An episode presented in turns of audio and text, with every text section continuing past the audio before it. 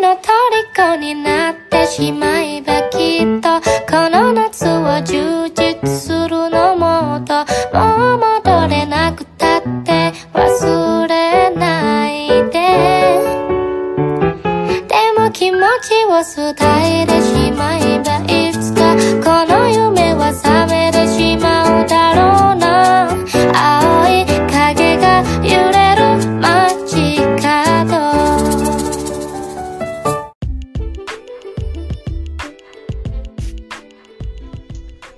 Gua ada duit mati. Namun gue pengen ambil sewaktu-waktu. Nah bagaimana cara investnya? Oke, ketemu lagi dengan gue Lembu Tambun di Jurnal Lembu. Malam-malam siaran lagi pulang dari eh, survei. Kemudian ya biasalah. Gua pasti nge-podcast kalau tiba-tiba di mobil tuh ada ide. Ada aja ide yang selalu tiba-tiba muncul dan gua harus buat podcast supaya apa? Sering kali ide ini bakal hilang atau enggak bakal hanyut gara-gara karena gua nggak bikin podcast. Ya hitung-hitung podcastnya buat em, apa ya buat rekaman gua. Jadi someday gua bisa ulang someday gua bisa denger lagi apa yang pernah eh, eh, gua buat gitu. Eh, oke kita langsung aja ke pertanyaannya tadi. Eh, gue punya duit banyak ada sekitar 50 juta ceritanya karena ini ada yang pernah konsultasi.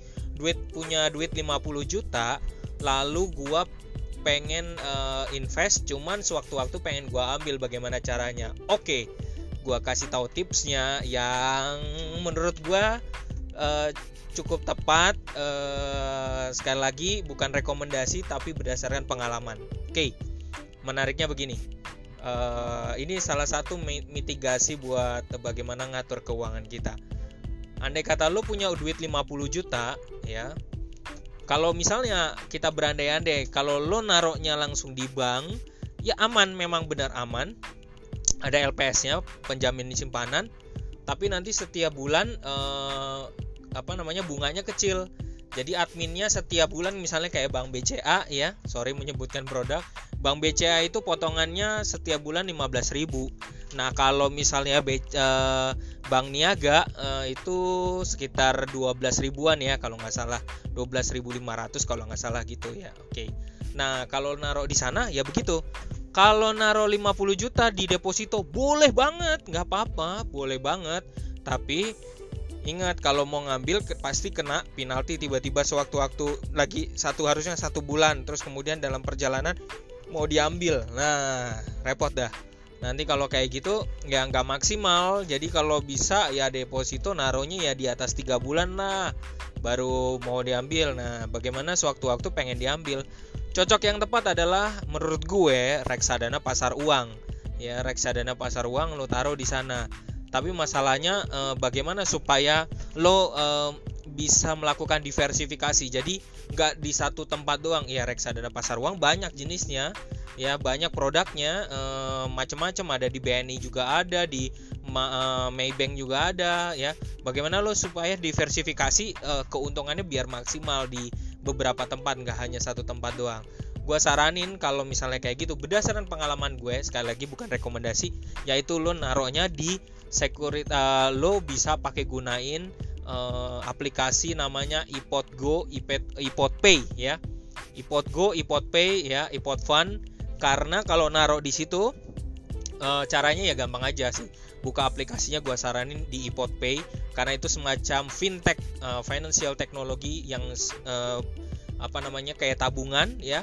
Tapi sebenarnya duit itu bukan di dalam tabungan, duit itu di pasar modal dan itu duitnya diinvest ke reksadana pasar uang yang sudah diatur oleh mereka eh, or- oleh artificial intelligence di mana di situ eh, lo akan duit lo itu 50 juta bakal di diversifikasi ke reksadana yang memang menjadi unggulan mereka menurut analisa mereka gitu. Jadi itu akan menguntungkan buat lo juga. Nah, keuntungannya dengan dengan kayak begini ya, ditaruh di reksadana pasar uang khususnya punyanya sekuritas Indo Premier sekali lagi bukan karena gua mau endorse-nya, gua nggak dibayar apa pun, tapi berdasarkan dari pengalaman gue. Keuntungannya apa? Ketika someday lu kayak kemarin ini ya, ada pandemi Covid gitu ya. Duit kan ngamanin 50 juta ya di dalam situ. Ceritanya kita ambil kasus.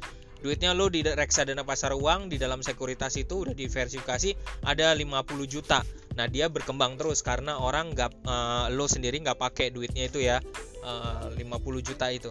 Terus someday ketika kayak pandemi kemarin tiba-tiba sahamnya tuh pada turun kan? Saham Bank BNI, Bank BMRI, ya, Bank Mandiri, Bank BCA, terus Bank BRI, terus Unilever, sempat juga kalau nggak salah Telkom. Nah itu pada saat kejatuhan kayak gitu itu momen terindah, momen paling uh, keren ya untuk ngambil saham itu gitu. Jadi kejatuhannya tuh dalam banget di mana investor asing pada keluar. Jadi lo ngambil momen itu untuk beli sahamnya dan itu titik poin yang menarik. Nah jadi pada saat lo ambil, nah reksadananya secara otomatis juga bakal diambil dan untuk dibeliin saham. Nanti kalau lo pas kemarin kayak gue alamin ya, gue ngalamin cuan begitu pas pandemi kemarin gue langsung ambil BNI, BRI, gue suruh adik gue juga beli uh, uh, BRI, BNI, Bank Mandiri ya.